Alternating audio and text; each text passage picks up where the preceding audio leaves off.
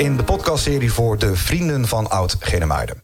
En we zitten op een hele bijzondere locatie, namelijk bij Van der Sluis, technische bedrijven. Uh, omgeven door, nou ja, hoe kan het ook anders? In ieder geval een kolk die hier uh, naast het pand ligt. Er zijn natuurlijk veel kolken op de Kamperzeedijk.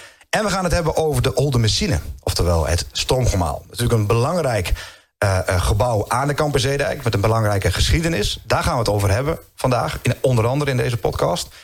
En uh, ja, goed, de Olde Machine kun je natuurlijk bezichtigen op bepaalde dagen. En je hebt ook een bezoekerscentrum waar je eventueel gebruik van kunt maken voor feestjes en partijen. Helaas lukte dat voor deze keer niet. We zitten op een andere locatie, maar dus wel aan de Kamperzeedijk. Aan tafel heb ik Simon Valente en Ricky Last. Van harte welkom. Goedemorgen. Goedemorgen. Goedemorgen. Fijn dat jullie er zijn. We gaan het hebben over de Olde Machine. Belangrijke stoommachine natuurlijk in, uh, in de historie van Genemuiden. En van de Kamperzeedijk. Ja, Simon, om uh, daarmee te beginnen.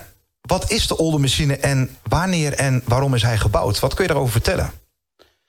Nou, we beginnen met, uh, toch even met, met Masterbroek. Ja. Um, vanaf het begin van het ontstaan van Masterbroek... Uh, spannen de boeren zich in om de voeten uh, droog te houden. Ja, want Masterbroek is dan eigenlijk ook hier achter, hè? Wat, is, wat, ja, we, achter, ja. waar we hier ook zitten. Ja. ja. Mooi uitgestrekte polder. Ja, we kijken dus over een deel van Masterbroek. Ja, en, en, omdat we hier nu droog zitten, dat komt eigenlijk door het stoomgemaal dus. Ja, um, Kijk, in het begin uh, door, door regens en hoge waterstanden... en slechte kwaliteit van de dijken... Ja. Uh, kwamen er overstromingen vaak voor. Ja. Uh, dus ze moesten allerlei dingen doen om, om de voeten droog te houden. En toen werd de stoommachine uitgevonden in de, in de 19e eeuw. Ja. In het midden van de 19e eeuw. Ja, rond 1850, 18... En, ja, zoiets, ja, ja. dat klopt. Dat zie je dus ook wel toen het stoomgemaal gebouwd is. Ja.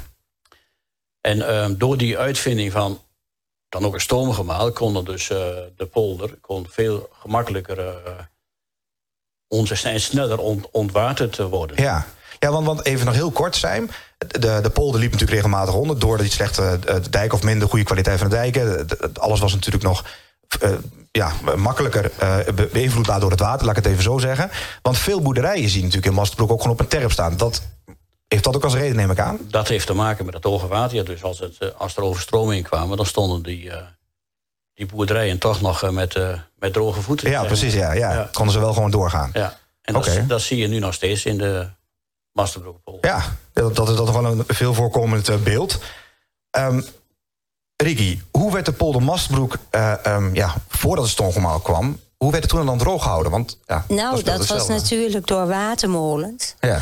Maar ja, een watermolen is natuurlijk afhankelijk van het weer. Dus dat had nog wel eens een heel gedelig verloop. En die kon lang niet zoveel watermassa's uh, wegstuwen, nee. uh, wegmalen... dan natuurlijk de stoommachine. Dat ja. was dus ook een hele verbetering. Ja, en met windmolens bedoel je dan ook... want dat zijn ook vaak van die echt gewoon, uh, uh, niet echt een windmolen met stenen gebouwd... maar meer van die... Van die, die kleinere. Ja, die, ook, die bij de bieden ziet, zeg ja, maar. precies. Ja. En dan bij die kleine kanaaltjes en uh, ja, slootjes meer. Ja. Maar dat had dus lang niet zo'n impact. Dan later die stoommachine die een hele grote wassen, maat, watermassa kan wegmalen. Precies, kan, uit, kan uitpompen. Dus, en de watermolens die stonden niet alleen in uh, Masterbroek... maar ze stonden ook tegenover Hasselt.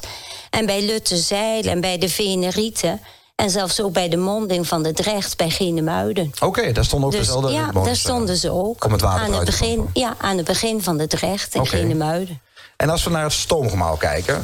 en we kijken naar, naar meerdere stoomgemalen in Nederland... Of, of andere gebouwen, hoe uniek is het stoomgemaal? Hij is zeer uniek, omdat het uh, stoomgemaal van Genemuiden hier... Bij, dat is een zeer zeldzaam type. Ja. En hij komt ook uit de bemaling, uit de eerste tijd van de stoombemaling vanaf 1845. Ja. Toen is hij nog niet gebouwd, hij was in, uh, later klaar. Maar uh, daardoor is hij bijzonder uniek. En het is ook ja, heel uniek omdat hij uh, ja, zo gaaf is gebleven. Ja, en zo... de technische staat is ook heel Precies. bijzonder. En het, is, het brengt ook uh, onze waterhuishoudkundige uh, staat van, van Nederland naar voren. Ja, ja. Dat is, Daarom is het Nederland is ook uniek. Je ja. komt het ook bijna nergens anders nee. tegen. Nee, nee. En daardoor is hij ook uniek en is ook heel gaaf gebleven. Ja, compleet, want je zegt het zelf al. Je hebt ook gewoon dagen wanneer hij onder stoom is, zoals ze dat ja. noemen. Ja. Want dan draait hij gewoon nog uh, zoals hij behoort te draaien. Zeg. Behoort te draaien, okay. ja, dat kan hij nog. Ja. Wat is er nog meer te vertellen, Sam, over het stoomgemaal? Nou, het, over het stoomgemaal is natuurlijk ehm, veel bekend. In, in, in 1853 werd er een plan gemaakt om, om stoomgemaal te, te bouwen. Ja. dat is dus ook, ook gebeurd. En stoomgemaal was een enorme verbetering voor het, voor het waterhuishouding. ontwateren van, ja. van Masterbroek voor de waterhuishouding. En um, ja, een, een twintig jaar nadat uh, de machine in werking uh, kwam... bleek toch dat de capaciteit onvoldoende was... om, om heel Masterbroek uh, te kunnen bemalen. En mhm. toen is, er is er nog een stoomgemaal bijgebouwd, de, de Lutterzeil. Ah. En, vanaf, en dat was in 1878. En dat is, maar dat is, wat, dat is dus niet Venerieten? Nee, dat is uh, verder op richting, uh, richting. Oké, okay, nou, want dat, is, dus dat zijn twee verschillende nog weer, zeg maar. Ja, ja. En, en die beide stoomgemalen die zorgen voor, uh, voor de ontwatering van, van Masterbroek. Ja, oké. Okay. Nou, Masterbroek is al een aantal keren genoemd, natuurlijk. Omdat, omdat we daar ook eigenlijk voor een deel in zitten hier aan, aan de Kampenzeedijk. De Zuiderzee kwam hier natuurlijk aan, aan de dijk. Um, ja, als we kijken naar, naar de polder Masterbroek... en we gaan daar even op inzoomen... Eh, hoe is die polder eigenlijk ontstaan? En hoe moeten we dat landschap voor ons zien, als je dat zou willen schetsen? Nou, in de vroege middeleeuwen is het ontstaan. Toen zijn er eigenlijk al nee, eh, ja, een soort oeverwallen gebouwd, of ontstaan. En rivierduinen. En daar uh, zijn mensen zich toch al gaan nederzetten daaromheen. En toen kregen er werd het ook al een gestalte van kleine dorpjes. Ja. En dat mondt zich nog uit in wat we nu nog zien. Hasselt en Genemuiden, Kampen en Wilsum. Plaatsen die dus rondom Mastenbroek, rondom die rivier... Uh, wal, uh, duinen en oeverwallen zijn ontstaan. En toen zijn de mensen gaan ja, naartoe getrokken en gaan wonen. En toen zijn ze begonnen met wat landbouw. Ja, maar eigenlijk wat je zegt is Mastenbroek eigenlijk de verbindende schakel in, hè, in deze omgeving. Om al die omliggende plaatsen die daar rondom zijn ontstaan. Oké. Ja. En ze groeven dus ook echt ontwateringssloten en kanalen om de afwatering maar een beetje in de hand te kunnen houden. En dat lukte dus altijd niet, omdat de Zuiderzee er nog was. Want wat was dan de reden dat ze wel, want je zou zeggen van hè, dat, dat, dat is moeilijk uh, met de waterhuishouding, dus ze moesten echt altijd hun best doen. Wat is dan de reden dat ze wel juist in die polder wilden zitten? Was dat dan de vruchtbaarheid van de grond waarschijnlijk? Of? Kunnen we daar iets over zeggen? Nou, dat ja, het is een vraag eigenlijk die ik gewoon out of the blue stel hoor. Dus die, dus, uh, alleen het, het, verwondert mij omdat we zeggen van ja. er is zoveel werk nodig geweest wees, om, ja. nat, om het droog te krijgen. Om het droog te krijgen, ja, dat, dat snap ik ook niet. Nee, we houden het gewoon op vruchtbare grond. Ja, ook maar op vruchtbare grond. Ik weet het, niet. Nee. Als we even kijken naar het gebied uh, uh, en op een gegeven moment wordt hij geclaimd. Door wie wordt hij geclaimd, Zijn? Um, ja, het werd, voor de, werd bijvoorbeeld ge, geclaimd door de door de ridder van Kasteel Voorst. Kasteel Voorst? Ja, en um, dus er speelden, speelden natuurlijk wel belangen. Want wie die polder in bezit had, die, ja, die, had, ook, die, had, ook, die had bezit. Ja, en die, en inkomsten van de landen natuurlijk. En die konden wat mee doen, ja. ja. Uh, er kwam dus een doorbraak doordat uh, op een gegeven moment Kasteel Voorst uh, werd vernietigd. Mm -hmm. Dus die kasteelheer hadden ze, hadden ze niks meer van doen. waar stond het Kasteel Voorst? dus die stond bij, bij Zwolle. Oké. En um, ja, toen konden eigenlijk de voortgang gemaakt worden... en de ontwikkeling van de, van de verkaveling van, van de polder. Oké. En als we dan kijken hoe dat zich verder ontwikkelde... Uh, uh, Rieke, kun jij er wat over zeggen? Hoe dan daarna de ontwikkeling van Masterbroek was? Ja, er gingen de bewoners die uh, na de ontginning... eigenlijk waren delen van de polder al bewoond ja. door de boeren. En die een grote boerderij, en wat we ook al eerder zeiden... echt op terpen gingen bouwen... om ja. dus toch zo lang mogelijk droge voeten te houden. Ja. En dan hielden die zich bezig vooral eerst met het weiden van ossen. Ja. En met de zuivelhandel. Maar hoe dat zit, dat snap ik niet. Als je alleen maar ossen hebt. Hoe je dan de en dan de zuivelhandel. Ja, dat, dat was mij een groot raad. Dat worden geen grote liters in ieder geval. Nee, nee, dat lijkt mij niet. Nou, maar dat is een vraag die we nog even uit kunnen zetten. Ja. Precies. En tussen uh, 1364 en 1369 kwam bisschop Jan van Arkel richting Genemuiden. en ook richting... Ja, en ook richting Mastenbroek. En mhm. die heeft daar in Mastenbroek de parochiekerk gesticht. Oké, dat is de kerk die er nu nog steeds staat? Die is er, ja, die is er nog steeds en hij is ermee bezig geweest. En in 1408 is hij dus klaar, was hij afgebouwd. Ja. En je kunt het nog lees, steeds uh, lezen op een gevelsteen aan de zijingang van de kerk. Ja. ja. En vele families uh, ja, en vele generaties die uh, zijn hier al tijden in Mastenbroek gebleven. Ja, en zeer verbonden honkvast. zijn, hè? Ja, Ja, heel want, zeg maar, honkvast. Precies, de echt families met verbonden namen die dan Hier ja, blijven. echt eraan zitten. Ja, Ja. Het- is wel grappig. Ik vertel het even tussendoor. Eh, mijn, mijn, mijn oom, eh oom Harm Winter eh, de- deed altijd venten hier op de Campus Edijk. En natuurlijk ook de Polder Masterbroek. En ik mocht dan op woensdagmiddag nog wel eens mee om te helpen. Eh, eh, en dan was het natuurlijk ook door Masterbroek heen. En, en, maar iedereen kent elkaar natuurlijk ook. Ja, het is allemaal, allemaal precies. een hele kleine gemeenschap op zich. Ja. Maar een ontzettend mooi gebied, eh, zeker. Ja, Ja. Oké, dan gaan we even naar een recenter eh, verleden toe. Eh eh Sijm, eh, zeg maar wat korter geleden. Want is er nog meer gebeurd in Mastbroek... wat relevant is voor Genemuiden? Eh, nou, de eh, infrastructuurproblemen die, die, die zijn eh, verholpen van destijds. Eh, er zijn er weer wat voor in de plaats gekomen, bijvoorbeeld eh, door de MKZ-crisis. Ja. Ehm, Want, wa- want wat, wat bedoel je daarmee? Wat is daar aangepast met de MKZ-crisis? nou, dat was natuurlijk eh, de, het veroorzaakte ve- de veeziekte. Ja, en ja. eh, ja, dan waren, het, waren er natuurlijk wel grote, grote problemen met de, met de veestapels. Precies. Precies, grote aantallen die daardoor eh, ehm, nou ja, besmet werden... of in ieder geval geraakt werden. Ja. Oké, helder. En de, laatste, ja, de, de ontwikkelingen van, de, van al wat langer geleden ook. Van de, de, zie je dus de verstedelijking van Masterbroek. Mhm. Hè, dus Genemuiden die bouwt in de Masterbroekenpolder. Maar dat gebeurt ook vanuit IJsselmuiden. Ja, En dat gebeurt bijvoorbeeld ook vanuit, eh, vanuit Zwolle. uiteraard. Ja, Ja. want, want, want dat stukje, als je daarnaar kijkt inderdaad... en Mastebroek, hoe het onder druk staat door hè, die omliggende gemeente... die het ook weer verbindt... ja, dan is het natuurlijk wel een, een is Mastebroek sowieso een gewilde plek. Maar ja, er, zal, er zit natuurlijk een keer een stop aan de uitbreiding... want we willen toch ook graag Mastebroek houden zoals het nu is, toch? Eh, de meeste mensen wel, ja. Ja, er zijn ja. plannen om er heel veel huizen eh, te bouwen. Maar Ja. je ziet dat natuurlijk toch wel gebeuren vanuit Zwolle. Hè, de, de hele, hele wijk, eh Stadshagen. stad, stadsdeel Stadshagen... eh, Ja. die dus Ja. ook in de Masterbroekenpolder ligt. Ja, soms dan verbaas je erover. Als je er tegen Muiden fietst en dan zie je in één keer die huizen dichtbij... dan denk je, oeh, dan wordt het in één keer realiteit. We gaan toe naar de laatste vraag. Ehm, ehm, want is er nog meer te zeggen over Masterbroek, Riekje? Wat jij zegt, van, nou, dat zou ik nog wel willen toevoegen. Ja, dat is wonderlijk dat we nou zeggen van... ja, het wordt zo ingesloten eigenlijk door de omliggende steden en Ja. dorpen. Ja. En dat je er toch nog in alle rust en stilte van de eh, natuur kunt genieten... door te fietsen of Ja, te wandelen. precies. En daar moeten we toch, denk ik, met elkaar allemaal wel voor blijven waken. Ja, nou, dat en dat we dat eh, willen behouden. Ja, En ja, in, in de kerk, we hadden het er al over van die water. eh, ja, overstromingen elke Ja. keer.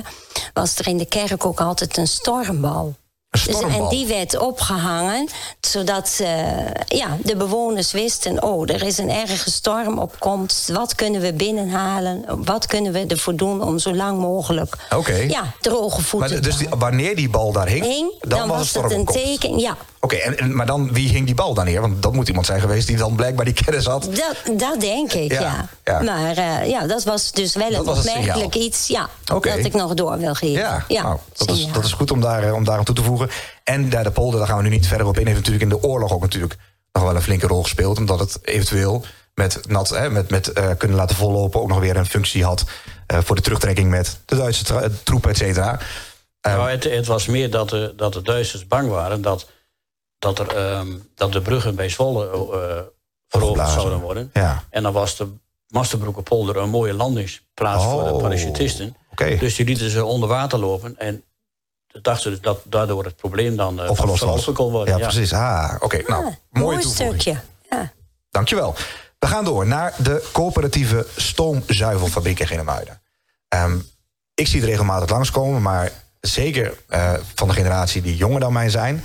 eh, die, die, die zullen er waarschijnlijk nooit van gehoord hebben... in ieder geval nooit van, wat van gezien hebben.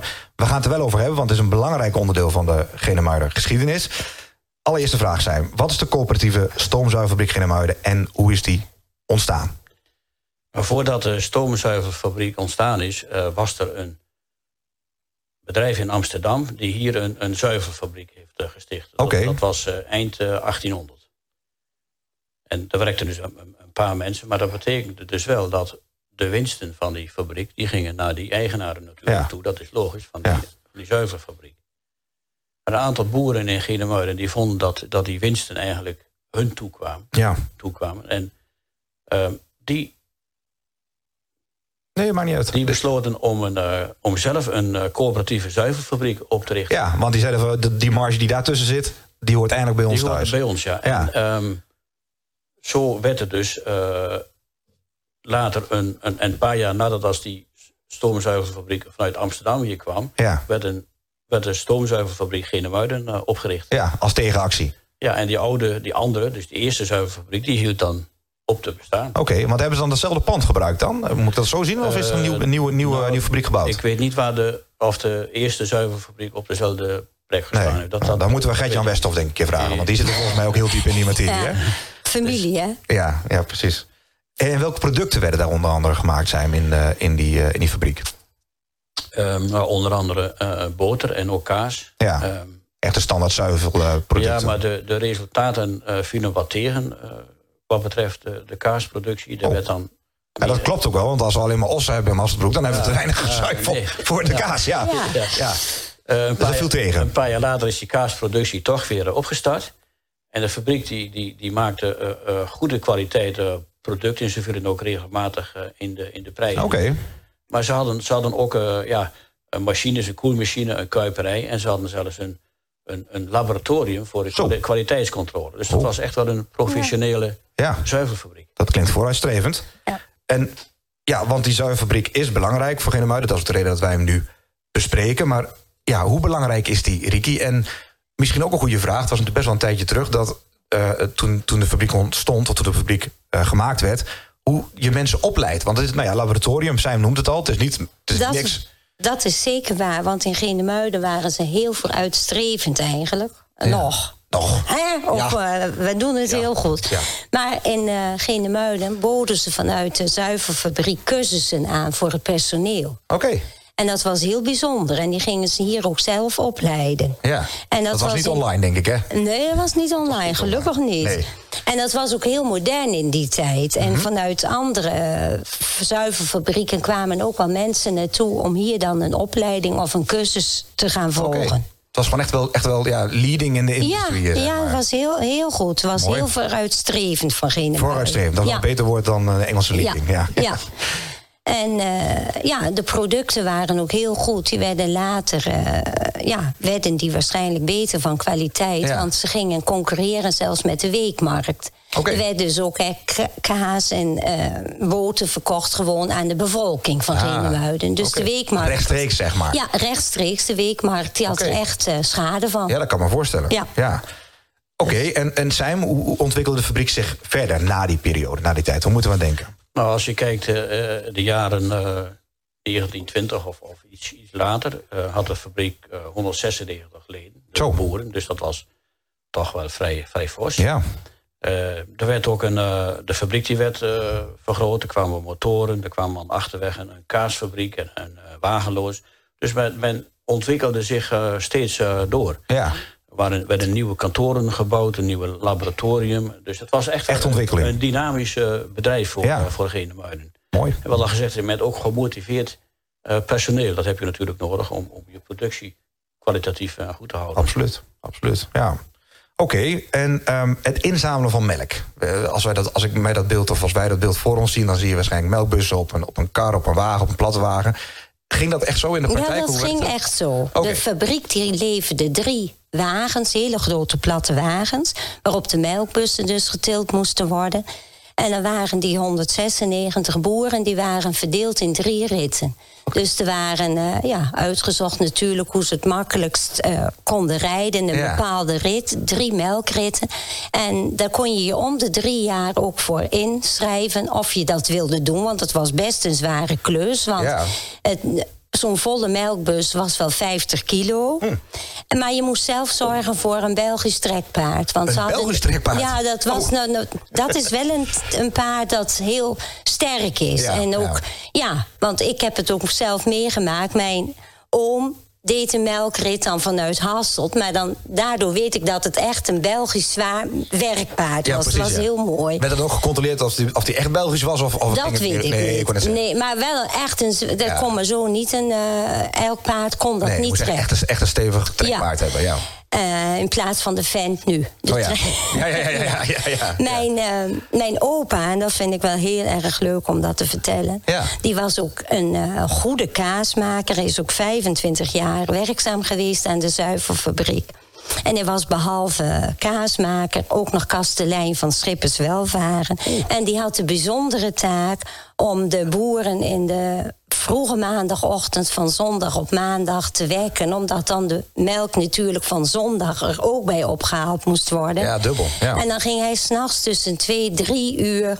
ging hij lopend door Genemuiden... want er waren er natuurlijk ook nog stadsboerderijen... waren Ja. de boeren nog in de stad. En dan tikte hij met een grote sleutel op het raam... en dan riep hij melkbuten. Hij was recht Utrecht dan, een man van droge humor. En dan ging hij weer verder. Ja. En zo wekte hij dus elke zondag op maandagnacht de boeren. Maar hij had dus eigenlijk dubbele banen. Want daarnaast was hij dus kastelein Ja. van, van, van ja, het café, hij was zeg maar. natuurlijk nog niet naar bed geweest, misschien Nee, wel. ja, dat ja, ik weet het niet. Dat weet je niet. Hij, hij moet het niet verwisten dat hij dan in plaats van bier Nee, melk ging tappen. aan de- Precies. Dus hij moet nee. helder blijven Hij natuurlijk. moet helder blijven. Nou, dat zal dan wel gelukt zijn. Daar gaan we vanuit. Gaan we vanuit. Hartstikke goed, mooie toevoeging. Ehm, we gaan door naar het laatste onderwerp. Of moeten er nog dingen toegevoegd worden? Nee, hè? Oké, dan lopen we door naar het laatste onderwerp. En eh, nou ja, omwille van de tijd, maar dat hadden jullie wel gezien, moeten we gas geven. Ehm, we gaan het hebben in dit, eh, in dit onderwerp gaan we het hebben over tradities en instellingen. Want ja, Genemuiden, nogmaals, we zitten hier aan de Kamper Zeedijk bij Van der Sluis, technische bedrijven. Eh, eigenlijk in het midden natuurlijk van, van, van Genemuiden, of in ieder geval hè, een onderdeel van Genemuiden. Maar er horen ook heel veel tradities en instellingen bij Genemuiden en waarschijnlijk ook bij de Kamper Zeedijk. En daar gaan we het over hebben. En als eerste natuurlijk de luiermotten. Eh, mensen hebben het wel eens gehoord. Wat Ja. is dat, de luiermotten? Nou, in Genemuiden is al sinds mensenheugenis op 1 mei een traditionele luiermot. En dat is een lentefeest dat ook raakvlakken heeft met luilakvieringen in het andere delen van ons land. Oké. En een luiermotte is eigenlijk een ladder. En de vereiste is dat er een wit laken, bedlaken, omheen gespannen is. En daaroverheen worden ook bogen gedaan. En alles wordt rijk versierd met de veldbloemen die op dat moment in de natuur te vinden zijn. Daarom ook in de lente natuurlijk. In de lente, moment, het is ja. lentefeest. Kinderen van de basisschool maakten die vroeger, maar nu tegenwoordig, ja, tegenwoordig in, in, de, in de jaren eh 2000 worden ze eigenlijk veel geholpen door de ouders. Ja, ja. Het is eigenlijk ook ja, een familiefeest nu eigenlijk Ja. geworden van ouders met kinderen. Ja. En dan in de vroege ochtend op 1 mei... dan dragen die kinderen die luie motten, die versierde ladder rond. En dan ligt er nu meestal een klein broertje of zusje in... of een neefje of een nichtje of een pop. Maar het was de bedoeling om met hun gezang en gebel... want er loopt een kind met een bel voor op te klingelen voor de ladder uit... om de langslapers op die ochtend wakker te maken. Ja, de En- luilakken. de luilak. En die werd dus echt dan vroeger op die ladder rondgedragen... Als je je verslapen had. Ja, precies. Dat is het idee. Dat is het idee erachter. Oké. Nou, hoe het is ontstaan en waarom... Ja, daar zijn, ja, het is een soort optocht voor hoop op voor een goede oogst. Ja, of ja, een herinnering aan een profetes. Ja, niemand weet het. Nee, maar het heeft in ieder geval met de lente te maken en met, eh, met, met hoop. Ja. Eh, en, en één ding wat ik er nog over vragen, want er wordt altijd een liedje gezongen. Ja. Um, luie motten, luie zotten. En dan in mijn beleving op gaan staan, je kunt weer naar bed gaan. Ja.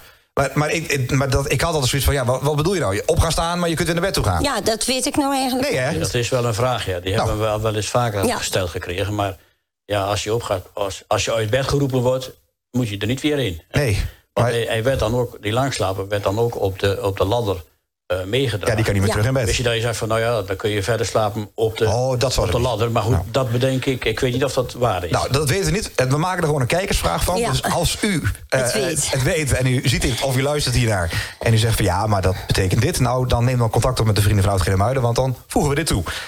Een andere jaarlijkse traditie die we zeker niet kunnen vergeten... de derde dinsdag in oktober natuurlijk de Biestermarkt. Zijn, wat kun je daarover zeggen? Wat is dat voor een jaarfeest?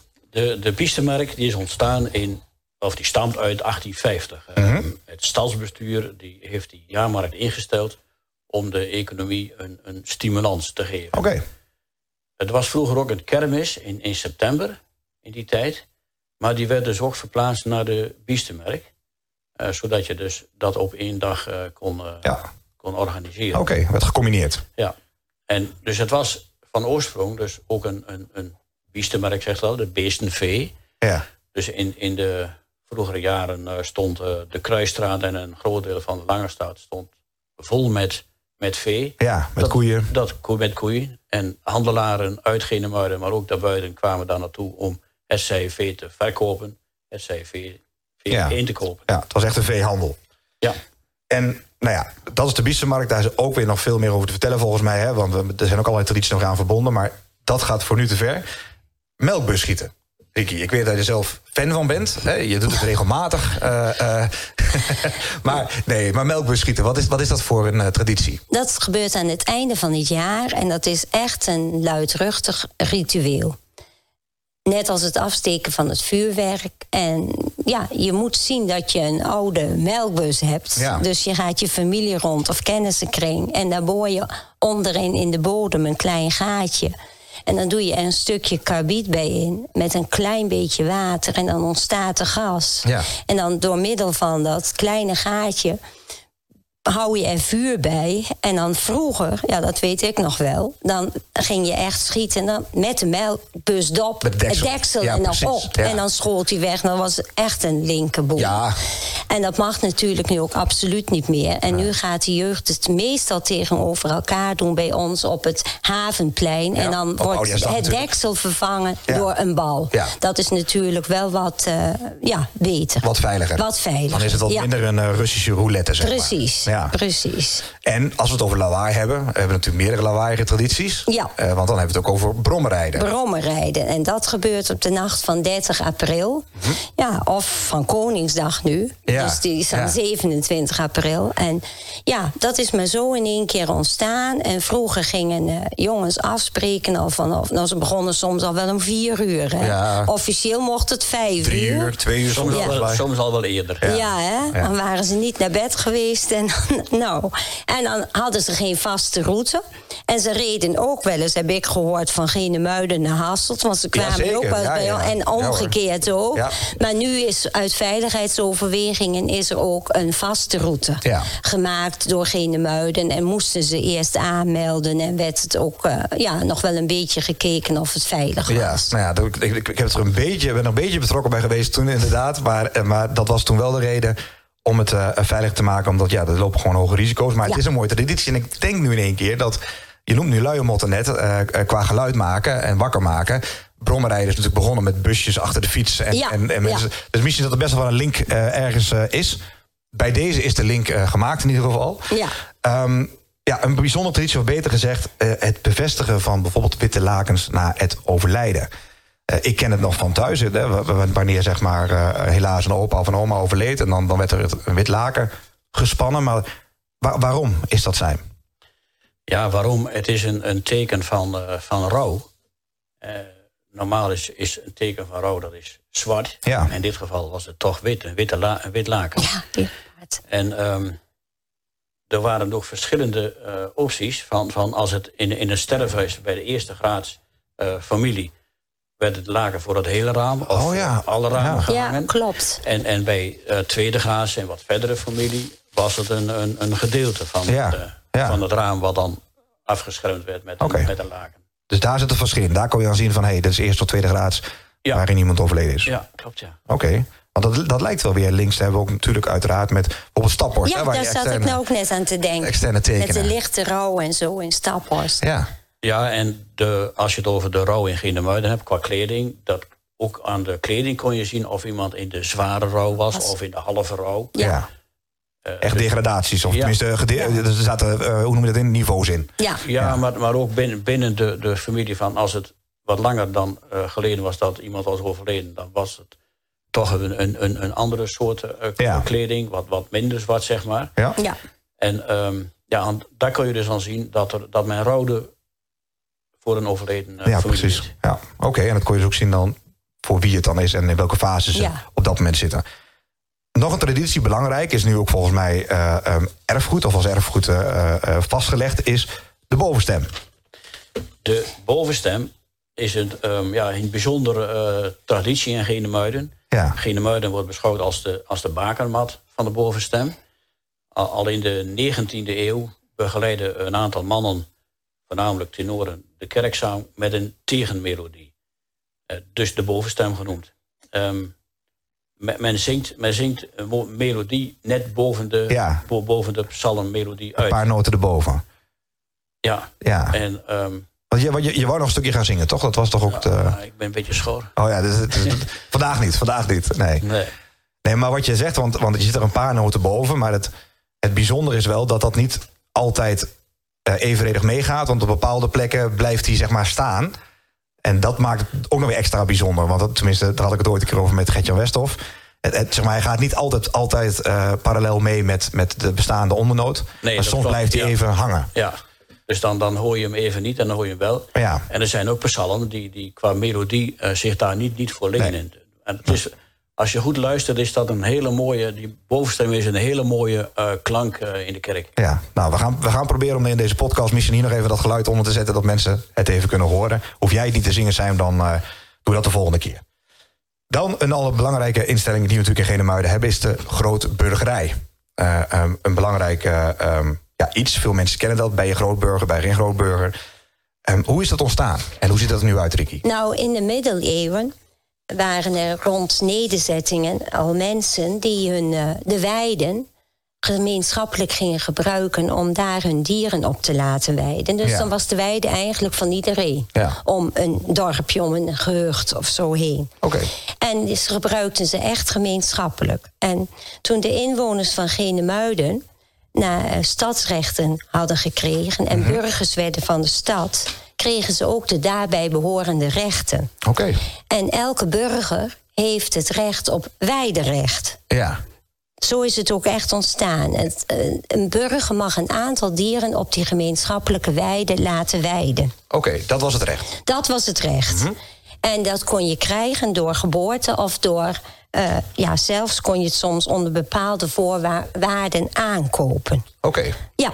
En grootburgers die er geen eh, gebruik van gingen maken, die gingen soms dat recht nog verhuren aan Oh, anderen. dan kon je er gewoon winst door, eh, daar kon je de inkomsten doorhalen. ja. Precies, ja. Oké. En tot 1965 is deze traditie eigenlijk in Genemuiden zo gebleven. Oké, en wat is er toen gebeurd, 1965? Ja, toen konden ze de druk van de gemeente, die zo belang had bij die grond, Ja. niet meer tegenstaan. En toen hebben ze het verkocht voor 1.200.000. Oh, dat is het exacte bedrag. Dat is het, 1.200.000. eh, ja, en dat is het exacte. En Guldens natuurlijk. Ja, guldens. En dat kwam door de ruilverkaveling. Oké, en wat is er met dat geld gebeurd toen? Nou, dat hebben ze vastgezet. En dat hebben ze, verdelen ze elk jaar de rente nog. Ja. Een klein bedrag natuurlijk. Nog uit aan de Ja, grootburgers. en nu heb je natuurlijk geen rente meer de afgelopen paar jaar. Dus Nee, dat, dat- dat- het er wordt weinig rendement gemaakt waarschijnlijk. Ja. Ja. Maar ze hadden gisteren nog een berichtje hè, op Oh.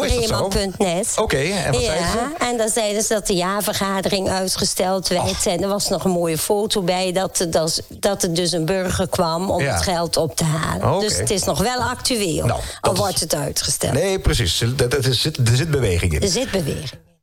Dan zijn er nog twee bijzondere, unieke fondsen in Genemuiden. Het Provisorfonds en het Armenfonds van Kamen.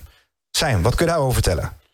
Nou, de, de sociale bewogenheid van de, van de kerk en de burgerlijke gemeente... die is er altijd al geweest, al in ieder geval eeuwenlang. Om, ze- om zich in te zetten voor de, voor de minder bedeelden... Ja. en over zich hen over te ontfermen. Oké, En de inkomsten die bestonden ook uit erfenissen en, en grote eh, giften... zodat men arme mensen wat kon, eh, kon geven. oké.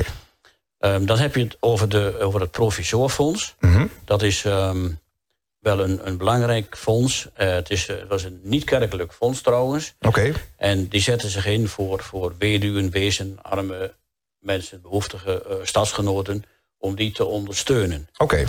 Ehm, in onze tijd nu eh, verleent dit fonds aan bijdragen... voor maatschappelijke, sociale en culturele instellingen. Ja, ten behoeve van Van de, van de gemeenschap. ja, precies.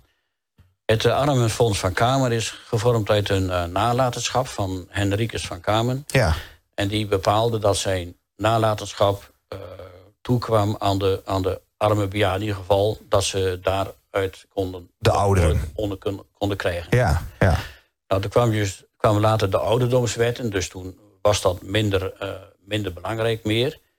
En toen is dat verdeeld naar of verbreid naar alle, alle leeftijden. Ja.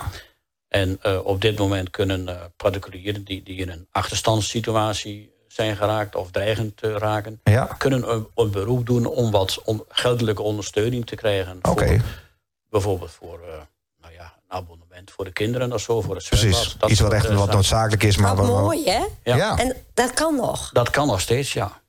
Heel mooi. Nou, dat is er- maar sowieso goed om te weten inderdaad dat, dat, dat het bestaat en dat mensen.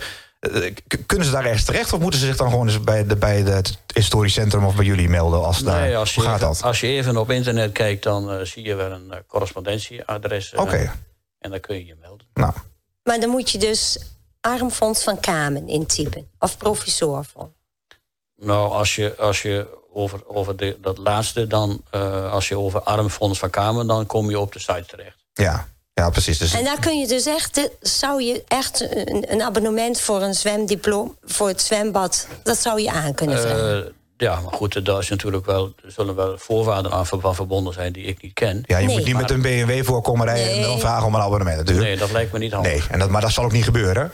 Nee. Eh, maar het is wel heel mooi dat, dat het bestaat en dat het op die manier dat nalatenschap zeg maar dus nog steeds gebruikt wordt. Ja, Ja. Ja. Nou, goed om ik te vind weten. het best wel mooi om dat nog te horen. Om Ja. ook door te geven aan school. Dat je denkt, ik denk zo aan bepaalde gezinnen. Ja. En Ja. dan zou je dan echt zulke kinderen, ja, of andere, niet alleen voor kinderen iets, maar mensen gunnen. Ja, nou ja, Maar, precies. Heel mooi en ook een mooi- mooie, mooie gedachte dat dat al toen al opgezet is, zeg maar, om de minder bedeelden ook te kunnen ondersteunen. ja. En zo zie je ook dat de gemeenschap van Genemuiden gewoon omkijkt naar elkaar. En volgens Ja. mij is dat een ontzettend belangrijke dat is de, eigenschap. de bedoeling van deze fondsen. Ja. Precies, ja. We ronden de podcast af. In ieder geval deze aflevering van de serie van de podcast voor de vrienden van Oud Genemuiden. Vanaf de locatie bij Van der Sluis, technische bedrijven. En eh, ja, goed, graag tot de volgende podcast. En jullie ontzettend bedankt voor eh, de deelname in deze podcast. Graag gedaan. Graag gedaan.